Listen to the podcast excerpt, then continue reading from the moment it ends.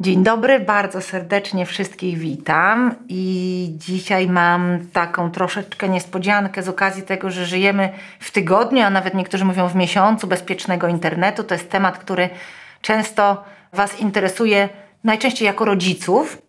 I dlatego postanowiłam zaprosić dzisiaj gościa. Naszym gościem jest e, Marcin Napiórkowski, profesor semiotyk. Marcin, zaraz Ciebie zapytamy, co to znaczy semiotyk, żeby nasza szersza publiczność miała większą świadomość. Profesor w Zakładzie Kultury Współczesnej w Centrum Badania Ryzyka Systemowego na Uniwersytecie Warszawskim. Marcin bada społeczne postrzeganie nowych technologii oraz współczesne mity kierujące naszym życiem. Jest autorem trzech książek naliczyłam, między innymi Turbopatriotyzm i Kod kapitalizmu, ale też książka, którą mam w tej chwili w, ręce, w rękach, Naprawić przyszłość, dlaczego potrzebujemy lepszych opowieści, żeby uratować świat i do tej książki się będziemy dzisiaj odnosić. Marcin jest też praktykiem w sprawie bezpieczeństwa internetu w rodzinie, bo ma trójkę dzieci i prowadzi też bloga mitologiawspółczesna.pl. Dzień dobry, witam Cię serdecznie Marcin. Dzień dobry, dzień dobry. Wszystkiego najlepszego z okazji Tygodnia Bezpiecznego Internetu. No właśnie, słuchaj, kto to jest semiotyk? Powiedz nam w takim razie na taką rozgrzewkę. Semiotyk działa jak trochę jak zaczarowane lustro z Alicji w Krainie Czarów. Sprawia, że to, co swojskie i bliskie ukazuje nam się jako dziwne, czyli na przykład mogę interpretować mitologicznie seriale, które wszyscy oglądają i pokazać im, że za postaciami, które wydaje im się, że rozumieją i znają, kryją się pradawne i złowrogie archetypy. Ale mam też odwrotną moc, mam nadzieję. E, o rzeczach trudnych, odległych i złożonych staram się komunikować w ten sposób, żeby wydały nam się bliskie i swojskie. No to taka najfajniejsza cecha, e, jaką może mieć nauczyciel, prawda? No, nieczęsto spotykana też bym powiedziała, to zawsze moja córka jest w siódmej klasie, mamy dużo zabawy czasami z różnych takich nauczycielskich wad i przywarów, ale o czym ona zawsze najbardziej marzy, to jest to, żeby nauczyciel nie utrudniał, a upraszczał. To nierzadko, znaczy to nieczęsto się, nieczęsto się spotyka. No, semiotyka zajmuje się mniej więcej tym, to jest nauka o znakach i komunikacji i bardzo często operujemy właśnie na tej osi, w jaki sposób pewne rzeczy, które wydają nam się banalne, pokazać, że są w rzeczywistości skomplikowane, złożone i że warto się nad nimi zastanowić, a z kolei rzeczy, które wydają nam się często zbyt trudne, żeby je ogarnąć wyobraźnią, potrafimy dzięki znakom, dzięki komunikacji sprowadzać do przystępnych modeli. Super, super, bardzo fajnie. To zacznijmy może tak naprawdę trochę od tej edukacji, bo to jest taki właściwie temat, który w moich wszystkich odcinkach podcastów się pojawia. Ja i w praktycznej, i w teoretycznej formie, i w formie hobby jestem zainteresowana w ogóle przyszłością edukacji. Myślę, że teraz mamy też taki mocno ciekawy moment, gdy się dużo rzeczy zmienia. Powiedz mi z Twojej perspektywy, jako praktyka też, jak e, Twoim zdaniem dzisiaj warto przygotowywać dzieciaki, taką młodzież do tego, żeby żyły w świecie, gdzie jest jednak bardzo dużo interakcji człowiek-maszyna, gdzie technologia nam towarzyszy jako właśnie nawet można powiedzieć kolega, koleżanka z pracy, a na pewno będzie bardzo użyteczna mm, w takim naszym codziennym życiu. Jak takiego człowieka dzisiaj kształcić?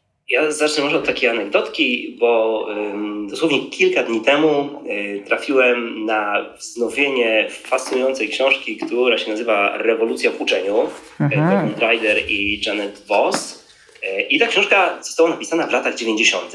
i jej autorzy zaskakująco trafnie przewidzieli wiele rzeczy, a pomylili się tylko w jednej w zasadzie. No. Y, w latach 90.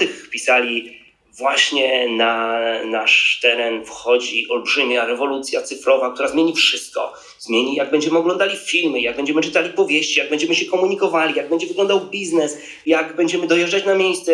Zrewolucjonizuje absolutnie wszystko i jest zupełnie oczywiste, że w ciągu najbliższych 25 lat szkoła zmieni się nie do poznania. E, no, od wydania książki właśnie minęło mniej więcej 25 lat. Tada. Wszystko jest absolutnie prawdziwe. Szkoła nie zmieniła się w ogóle.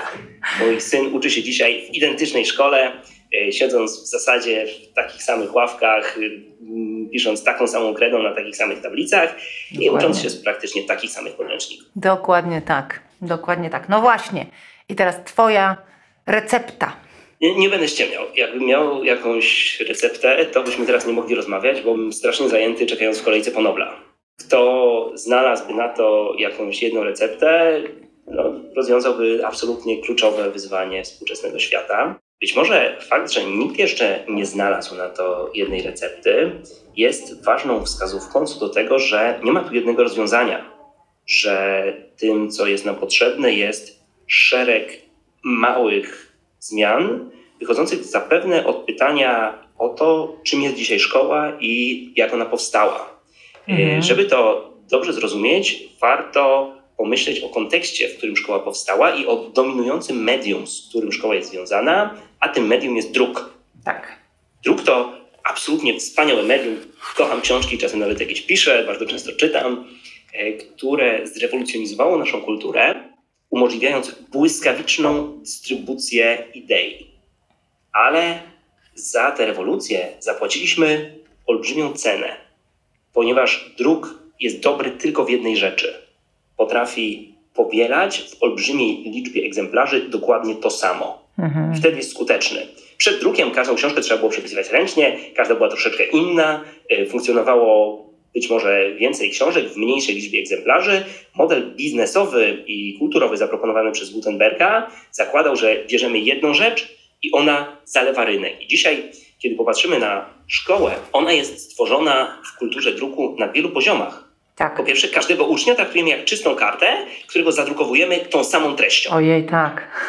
E, po drugie, to nie jest przypadek, że kiedy spojrzymy na mnóstwo instytucji nowoczesności, kiedy z lotu ptaka spojrzymy na wielkie magazyny, nowoczesne miasto, koszary albo klasę szkolną, mhm. to one wszystkie wyglądają jak zadrukowana kartka, prawda? To prawda. E, komunikacja w sali lekcyjnej jest jednokierunkowa. Nauczyciel mówi, reszta słucha, tak samo jak w przypadku książki drukowanej, tak. gdzie jest jeden autor, a pozostali tylko czytają, mogą sobie na was grać na marginesie autor dupa, ale no, autor nigdy się o tym nie dowie, prawda? Mhm. E, I teraz, kiedy już zorientujemy się, jak bardzo nasza szkoła podobna jest do książki drukowanej, to Wystarczy, że przyjrzymy się temu, jak dalece odeszliśmy dzisiaj w codziennej komunikacji od druku, żeby zobaczyć, gdzie leżą te punkty zmiany, gdzie leżą te miejsca, gdzie możemy przyłożyć siłę, żeby szkołę zmienić. No na przykład komunikacja jednokierunkowa. Ona dzisiaj w internecie praktycznie nie istnieje. Tak. Nie ma tak, że można prowadzić sensowne medium internetowe wyłącznie w postaci takiej komunikacji wertykalnej. Ja mówię do Was, jest jeden mówiący, wielu słuchających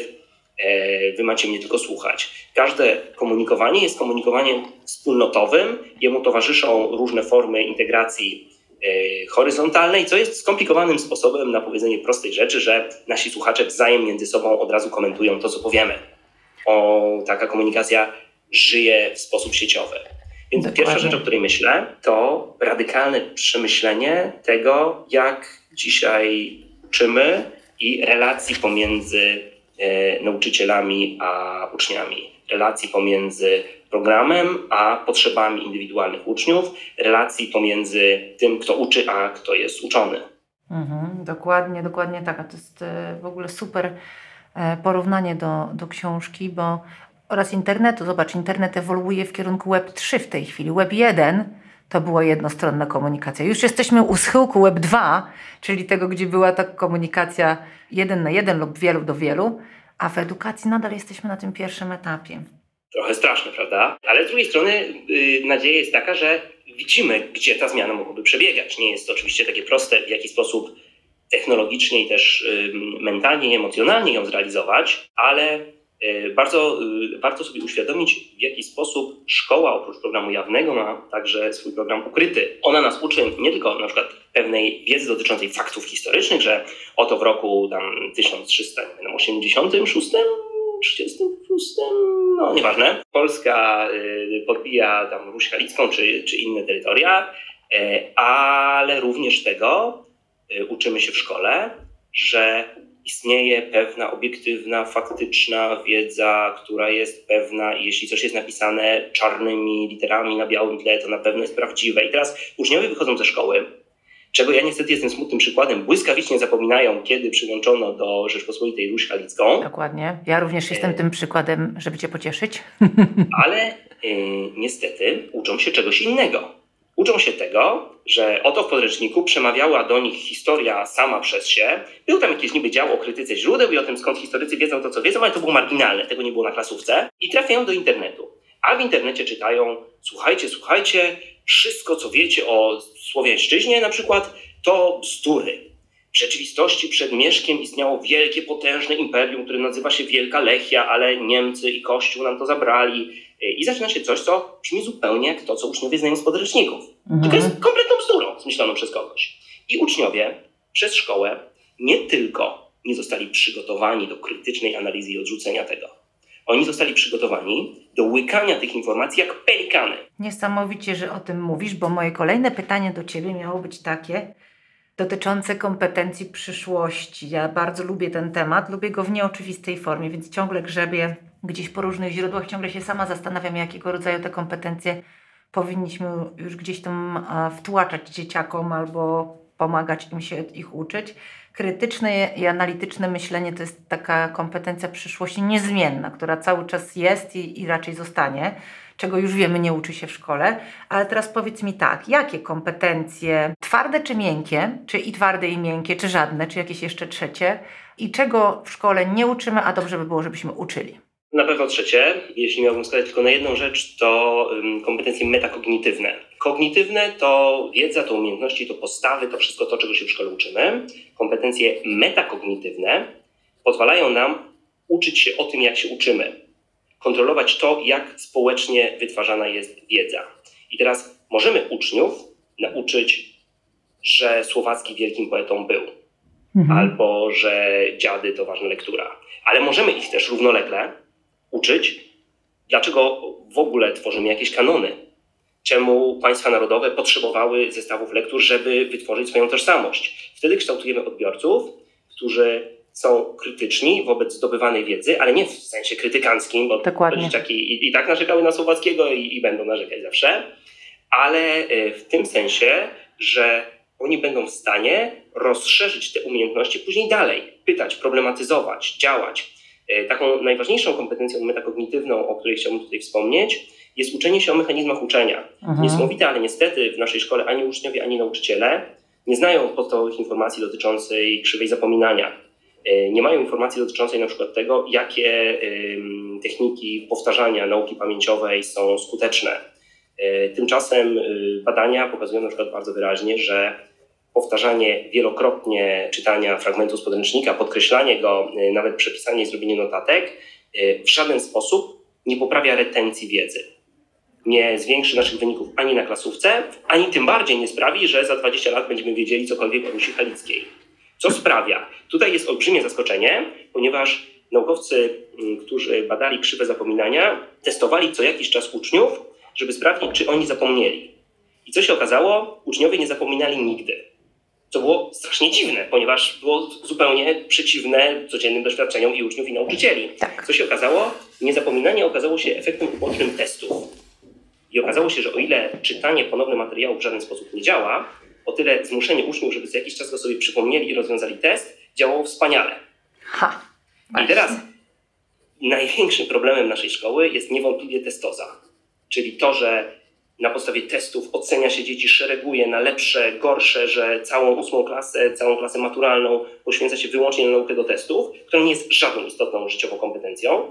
Zupełnie nie używa się testów, fiszek, quizów, tych wszystkich narzędzi jako super skutecznych narzędzi podtrzymywania wiedzy, które nie tylko pozwolą się uczniom raz na zawsze nauczyć układu okresowego pierwiastków albo najważniejszych dat z historii Polski, bo bez, bez tego być może da się żyć tak. Ale pokażą przede wszystkim tym młodym ludziom, w jaki sposób później, w codziennym swoim doświadczeniu, kiedy będą chcieli zostać programistkami, programistami, semiotykami, czego im życzę oczywiście z całego serca, albo kimkolwiek innym, w jaki sposób wtedy mogą w szybki, precyzyjny sposób trwale zdobywać nową wiedzę. Więc to myślenie o wiedzy e, jako czymś, co istnieje, co zdobywamy przez pewne media, z pewnych źródeł, co musimy wybierać, selekcjonować, co musimy nauczyć się zapamiętywać i wyszukiwać. Tego w ogóle w naszej szkole nie ma. To wszystko są umiejętności metakognitywne to są właśnie te umiejętności, na których gdybym miał dać jedną mądrą radę, skupiłbym szkołę przyszłości. No właśnie, bardzo cenna uwaga. E, warto w związku z czym już dzisiaj może w szkołach dołożyć taki ciekawy przedmiot, jakim jest sama nauka uczenia się. Ja zresztą o tym też dużo myślę, bo to jest, y, myślę, taka kompetencja, która przyspiesza dostarczanie wszystkich innych, prawda? Rzeczywiście. Tak jest. Hmm. Tak jest. E, Marcin, jeszcze jeden e, temat z tego obszaru, który mnie bardzo osobiście interesuje, bo ja lubię e, to wychodzenie poza swoje bańki. Mam ogromną świadomość tego, że wszyscy żyjemy w jakichś zamkniętych światach, gdzie wydaje nam się, że wszyscy i wszystko jest takie samo, jak, jak nam się wydaje. E, I również czymś takim są bańki informacyjne, e, algorytmy i w ogóle rozwój technologii tak naprawdę zawęża nam jeszcze to pole widzenia czy pole uczenia się, dlatego że algorytmy podpowiadają nam dokładnie to, co wcześniej lubiliśmy. Oczywiście są jakieś próby, TikTok próbuje, pokazując nam, podpowiadając różne mm, treści, proponuje nam kilka takich, które są podobne do tych, które oglądaliśmy wcześniej i jedną czy dwie takie, które są zupełnie mm, w oderwaniu od tego, ale myślę, że w ogóle takim, taką naszą kolejną chorobą jest to, że żyjemy w bańkach. I teraz ty bardzo fajnie opowiadasz o, o temacie też takiego konfliktu, który się, konfliktu, który się nabuje, tego, że świat zaczyna być, myślę, że pan, od pandemii to się trochę mm, tak nasiliło, można powiedzieć, że świat się wydaje czarno-biały. Jesteśmy albo za szczepionkami, albo przeciwko. Mamy takie poglądy polityczne, albo takie i nikt nikogo nigdy nie przekonuje. Albo jesteśmy za e, tym, że ekologia to jest rzeczywiście coś, za co się trzeba wziąć, albo że jest to pełen bullshit, prawda? I teraz chciałam Cię poprosić, żebyś zaadresował ten temat. Mm, jak wychodzić z takich, jak wybijać się e, z baniek informacyjnych, e, z takich baniek informacyjnych i też, czy w ogóle można i jak rozmawiać z ludźmi o innych poglądach? Myślę, że w ogóle ten temat to powinniśmy sobie wrócić przed świętami, wtedy kiedy Polacy siadają do stołu. Ale może teraz powiedz, jakie są metody. Kwestia jest złożona. Warto też y, bardzo wyraźnie uświadomić sobie, dlaczego bańki są dla nas złe. Nawet wtedy, kiedy wydaje nam się, nawet wtedy, kiedy jesteśmy przekonani, że mamy rację, a tak. ci drudzy racji nie mają albo głoszą poglądy ewidentnie złe. E, bańka jest dla nas szkodliwa nawet wtedy, chociażby dlatego, że z jej powodu nie będziemy w stanie przekonać tych drugich, którzy się e, mylą. Mhm. E, ale co gorsza, z jej powodu również nie będziemy sobie w stanie uświadomić tych wszystkich punktów, w których my sami się mylimy, w których nasza wiedza jest niepełna. No mówiliśmy od tutaj od początku o tej sytuacji rewolucji, jaką przynoszą nam nowe media, jaką przynosi nam internet mamy dostęp na wyciągnięcie ręki mhm. do gigabitowego, olbrzymich źródeł informacji. Znaczna część z tych informacji jest wiarygodna, jest przystępna. Problem zasadniczy, który odkrywamy na podstawie badań empirycznych, jest taki, że ludzie nie szukają tych informacji. Dlaczego ich nie szukają? I mhm. odpowiedź jest zaskakująca. Nie dlatego ich nie szukają, że mówią, mamy to w nosie i nie chcemy wiedzieć. Nie szukają ich dlatego, że są przekonani, że mają już wszystkie niezbędne informacje. Kiedy patrzymy na co dzień na świat, nie widzimy w nim dziur. Widzimy to, co wiemy, ale nie wiemy, czego nie wiemy. Mhm. To również bardzo istotna kompetencja metakognitywna, żeby sobie uświadamiać te nieznane, nieznane. I ym, tym, co utrzymuje nas w tym miłym poczuciu, że świat jest jasny i prosty, w tym poczuciu, mm, tutaj termin anglojęzyczny to overconfidence, ale mamy też taki termin illusion of explanatory depth, czyli złudzenie głębi poznawczej, to poczucie, Aha. że wiemy, jak działa świat. Tym, co nas w tym złudzeniu utrzymuje i co jest bardzo silnie z nim związane, jest właśnie polaryzacja, są właśnie bańki. To, że otaczamy się ludźmi, którzy myślą podobnie. I to zjawisko złudzenia głębi poznawczej zostało w bardzo pomysłowy i prościutki sposób e, zbadane przez naukowczynie, naukowców E, grupie badanych pokazano e, różne obrazki wzięte z takiej internetowej encyklopedii. E, po, nie wiem, jeszcze na CD-ROMach wtedy była ta encyklopedia, jeszcze lata 90. były, jeśli dobrze pamiętam. I zapytano ich, czy wiecie, jak działa spłuczka toaletowa, klucz z zamkiem albo helikopter. Oni powiedzieli oczywiście, że wiemy, 9 na 10 sobie dali prawie wszyscy. Po czym zapytano ich, no to fajnie, cwaniaki, jak to się dzieje, że klucz otwiera jeden zamek, a nie otwiera drugiego? Okazało się, że rzecz już nie jest taka prosta. Aha. Jak to się dzieje, że helikopter najpierw unosi się ku górze, a potem leci do przodu? No to coś tam było, nie? Z tym kątem, łopat, wiedni, coś takiego skomplikowane. No i ludzie, jak dostali y, szansę potem zrewidowania, no to zmieniali sobie na przykład na 5 na 10 albo 3 na 10 to poczucie własnej wiedzy. Różnica pomiędzy wiedzą deklarowaną na początku, a później zweryfikowaną, to właśnie ten gap, ta dziura związana ze złudzeniem głębi poznawczej. I teraz naprawdę fascynujące było badanie, kiedy badacze powtórzyli ten sam eksperyment, ale zamiast helikopterów, y, zamków i spłuczek toaletowych wykorzystano palące kwestie polityczne. No. E, przed badaniem e, zmierzono standardowo poziom polaryzacji politycznej uczestników i uczestniczek i on był oczywiście taki jak w społeczeństwie wysoki. Ale po badaniu kiedy uczestnikom uświadomiono, że być może świat nie jest taki prosty, jakim się wydaje. Okazało się, że ich poziom radykalizmu, polaryzacji politycznej dramatycznie spadł. Oni zrozumieli, że być może ci inni nie są źli, głupi ani przekupieni. Być może świat jest bardziej złożony niż po prostu podział na tych, którzy mają rację i tych, którzy racji nie mają. Dokładnie. To jest niesamowicie ważna umiejętność, której dzisiaj nie wyrabia w nas szkoła, której dzisiaj nie wyrabiają w nas media, której dzisiaj nie wyrabiają z nas politycy, bo niestety y, no, na przykład mediom społecznościowym polaryzacja się opłaca, bo ona się świetnie klika, Mhm. bo ona zwiększa ruch w internecie, ale obawiam się, że jest to inwestycja bardzo krótkoterminowa, ponieważ y, sprostanie globalnym wyzwaniom takim jak katastrofa klimatyczna bez cienia wątpliwości będzie wymagało od nas wyjścia poza te bańki, nawiązywania współpracy, umiejętności do przyznawania się do błędów i uczenia się y, nowych faktów. No właśnie, jak z tych baniek wyjść? Powiedz Marcin, czy masz jakąś receptę albo chociaż jeden przykład taki, żeby pomóc y, słuchaczom tego podcastu zastanowić się, jak to zrobić, jakiś mały Tak, kroczek poza tą bańkę. Już sprzedałem ten sposób tylko podstępnie i wpłynąłem to w opis eksperymentu. Otóż, jeżeli rzeczywiście zawierzymy tym badaniom, a jest ich dosyć sporo, pokazującym związek pomiędzy złudzeniem głębi poznawczej i tym overconfidence, nadmiernym przeświadczeniu własnej mm, racji, a bańkami, to okazuje się, że sposobem do przełamywania baniek może nie być jakieś tam, nie wiem, wyciągnięcie ręki, zamknięcie oka na różne głupoty i tak dalej, tylko wyrobienie w sobie ciekawości. Wyrobienie w sobie takiego poczucia, chciałbym się dowiedzieć więcej, chciałabym się dowiedzieć więcej, chciałbym lepiej zrozumieć, jak to działa. E, To jest coś, e, o czym się bardzo rzadko mówi w kontekście tych baniek i polaryzacji, że ciekawość, głód edukacyjny, zdolność do poszerzania swoich horyzontów może rozmontowywać te bańki jeszcze przed dialogiem, że dialog, porozumienie, czy przy wigilijnym stole, czy na sejmowej sali, może być wtórny i wynikać właśnie z tej ciekawości i chęci poszerzenia swoich horyzontów, pogłębienia swojej wiedzy. No właśnie, i teraz y, trzeba by też za dzieciaki wziąć się w tej kwestii, bo one też mają swoje bańki, też w tych swoich bańkach siedzą. Y, Oczywiście, że tak, oczywiście, że tak, aczkolwiek y, trzeba tutaj przyznać, że y, dzieciaki i młodzież są w luksusowej sytuacji.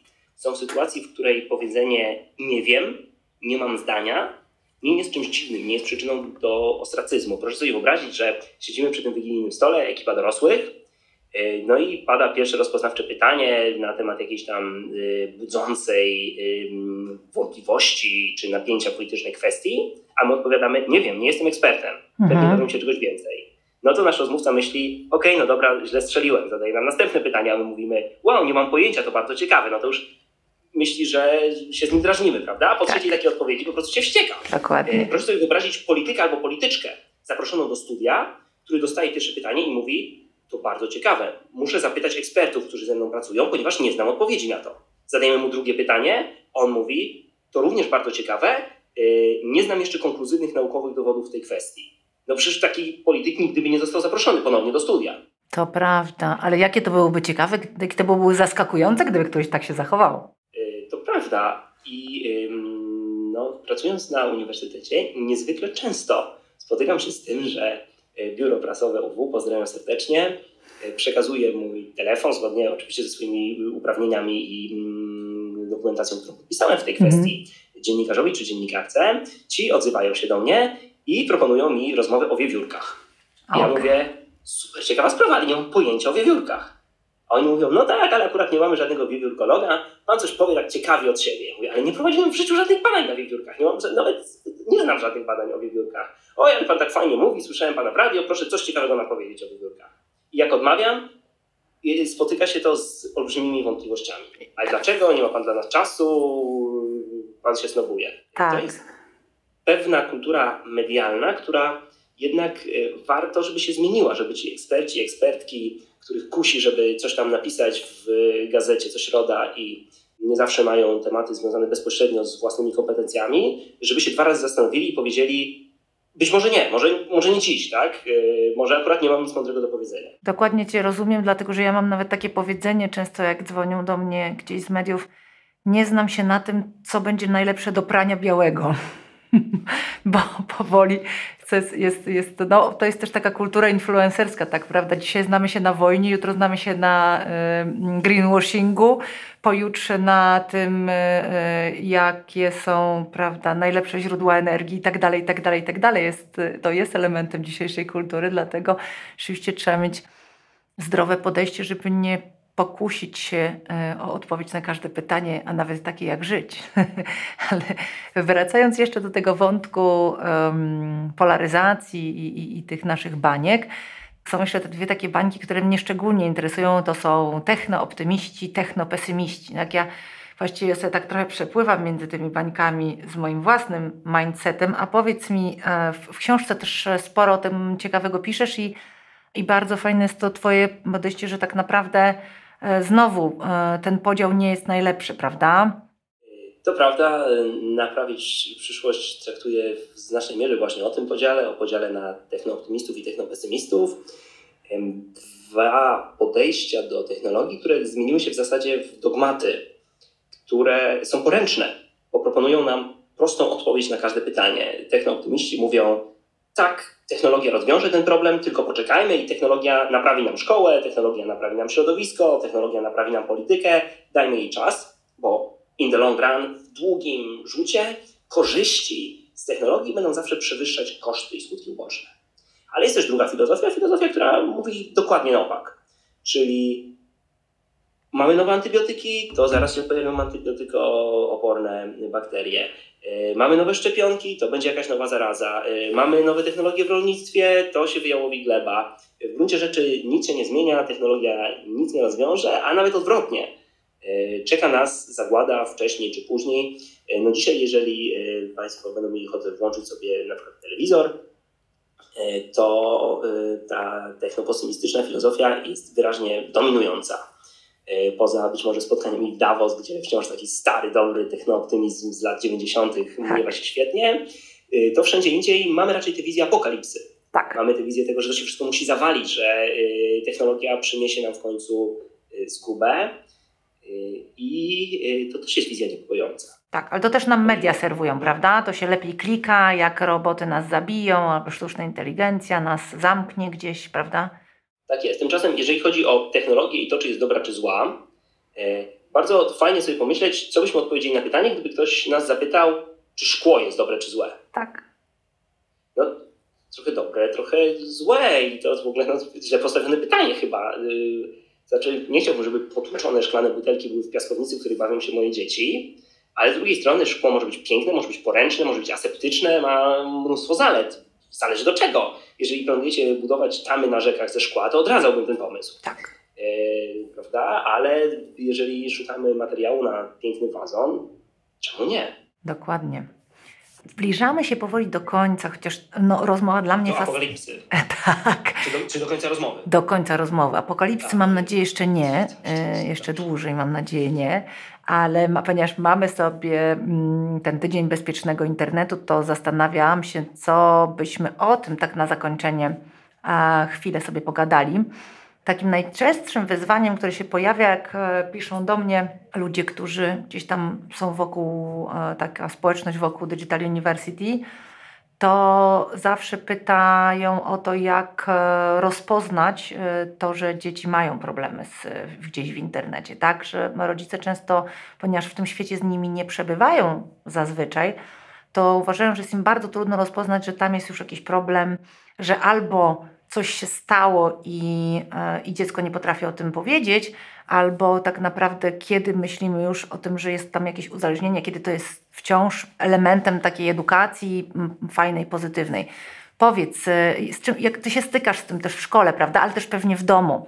E, taki na zakończenie chciałabym Twój komentarz w tej sprawie. Trudna sprawa, bo ja tutaj muszę niestety zastosować zasadę, o której sam wcześniej mówiłem. Ja się znam tylko na semiotyce, więc może to trochę nudne, ale wszystko muszę sprowadzać do tego. Tak. E, I żeby jakoś w ogóle wybrnąć i odpowiedzieć na to pytanie, no to znowu muszę wrócić do tych umiejętności metakognitywnych i do tego, jak przetwarzamy informacje.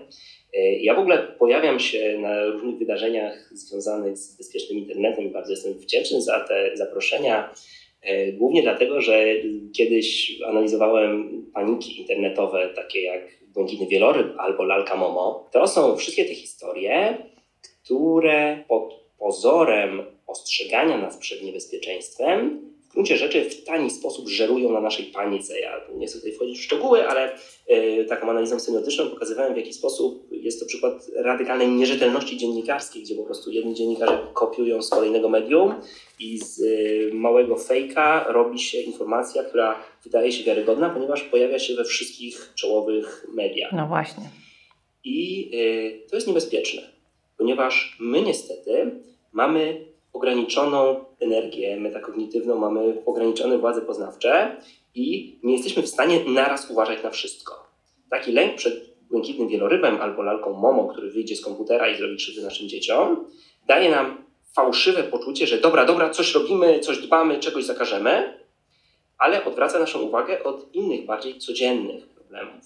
A tymczasem z punktu widzenia semiotyki rzecz jest dosyć niepokojąca, ponieważ w zasadzie wszystkie interfejsy użytkownika, poczynając od y, mediów społecznościowych, ze szczególnym uwzględnieniem tych najbardziej zalgorytmizowanych, jak TikTok, y, aż po gry komputerowe, są projektowane y, zgodnie z tym, co nazywa się kaptologią, to twórcą tego terminu jest BJ Fogg, albo persuasive design, czyli takim modelem semiotycznym, który maksymalizuje naszą interakcję. Wspomniałeś tam wcześniej, że technologia jest trochę jak nasz kolega albo koleżanka z pracy. Tak. I dokładnie o to chodzi. DJ Fox zwrócił uwagę, dawno, znowu te lata 90. się kłaniają, że ludzie uwielbiają interakcje między ludźmi, ale interakcje z maszyną są nudne, bezosobowe i nie tak. powodują w nas uwalniania się tych samych e, substancji chemicznych w mózgu, co interakcje z ludźmi. A co gdybyśmy zaprojektowali interfejsy użytkownika, które też nas aktywizują, które też nas przyciągają, które, no używając poważnego już terminu z zakresu psychologii, nas uzależniają.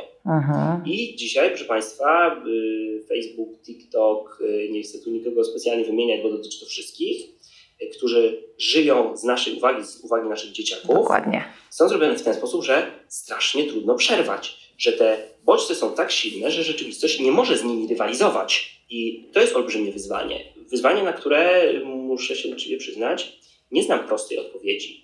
Gdyby mnie ktoś zapytał, czy yy, co z tym robić, no to mówię, chyba najlepiej towarzyszyć dzieciom, być z nimi i pokazywać im te mechanizmy.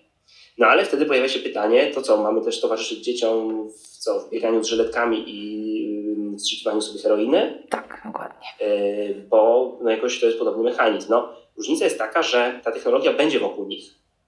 I są dwie możliwości albo mój syn spotka się z tymi uzależniającymi trikami razem ze mną, grając wspólnie w Pokémony i rozmawiając o tym, co się właśnie dzieje i dlaczego y, te najfajniejsze potwory się pojawiają właśnie jak chcemy skończyć grę i dlaczego jest nam tak ciężko się potem przestawić z gry na normalność i dlaczego ta gra czasem doprowadza nas do łez, choć już jesteśmy bardzo duzi i mamy 9 lat. Tak.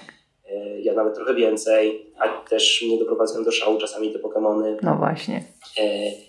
Albo się z tym spotka razem ze mną, albo spotka się z tym sam za 5 lat, za 10 lat, niewyposażony w te umiejętności metakognitywne, w te umiejętności, kurczę, ta gra chyba chce mnie na coś nabrać, ta gra chyba chce mnie na coś naciągnąć, czego ta gra chce ode mnie. I to jest jedyna mądra rada, której mogę na tę chwilę udzielić.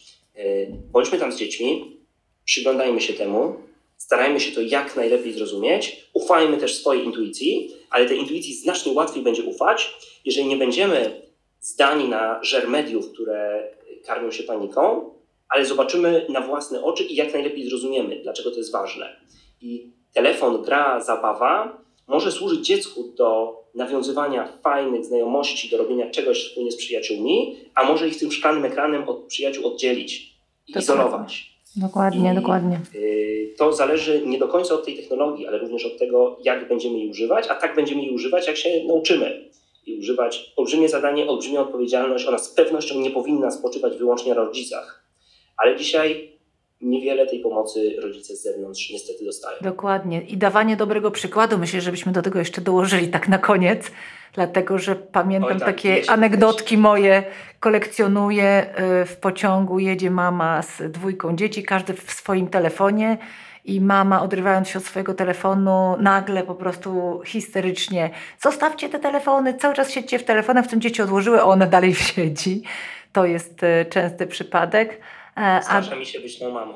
no, każdemu z nas się zdarza, tak? Posypmy sobie głowy, Ale ja mam to super ważne e-maile, na które muszę natychmiast Ja dokładnie tak samo. Inna, to jest zupełnie inna sytuacja. Ja dokładnie tak samo, ale przynajmniej mamy refleksję i to jest ważne, tak? Nie, nie, nie rozmawiamy tutaj, ani, ani jednego idealnego rodzica nie ma tu przy mikrofonie, ale nie sądzę też, żeby byli w, wśród słuchaczy. Świetne słowo, prawda? Które wcześniej nie padło. Ja Tak. mówię metakognitywne i inne rzeczy, a to chodzi o refleksję. Tak, o refleksję. Więc refleksję trzeba mieć, e, trzeba dawać dobry przykład, a przynajmniej próbować. Ja zachęcam zawsze pod koniec roku, przed, przedświąteczny mój odcinek zawsze jest o cyfrowym detoksie, który mi jest tak samo ciężko zrobić, jak i wszystkim innym wokół, ale przynajmniej próbujemy. Próbujmy, próbujmy być tam z dziećmi. Ja pamiętam jakieś zebranie w szkole kilka lat temu, kiedy była moda na tak zwaną patointeligencję i pamiętam nauczyciela, który gdzieś tam o tym zjawisku opowiadał, to było rzeczywiście ciekawe i mówi, kto z Państwa wcześniej słyszał o patoinfluencerach? I byłam jedyną osobą, która na kilkadziesiąt osób podniosła rękę. To też jest tak, że musimy też trochę w tym świecie być z naszymi dziećmi, prawda? To prawda, to prawda, aczkolwiek yy, do świata patoinfluencerów yy, ani rodziców, ani dzieci bym nie wpuszczał, ale musimy być z nimi szeroko w cyfrowym świecie, żeby powiedzieć tych drzwi nie otwierajcie. Dokładnie, dokładnie. Żeby wiedzieć, czego nie otwierać, trzeba wiedzieć, co tam jest. Otóż to. Dobrze, Marcin, bardzo Ci serdecznie dziękuję. Wszystkim Wam polecam e, książkę Naprawić przyszłość, dlaczego potrzebujemy lepszych opowieści, żeby uratować świat. Jestem wielką fanką opowieści. Profesor Marcin Napiórkowski dzisiaj był moim gościem. Książkę polecam, podcast polecam, Marcina też polecam gorąco. Dziękuję Ci bardzo Dzięki piękne. i pozdrawiamy serdecznie. Zapraszamy na kolejny odcinek.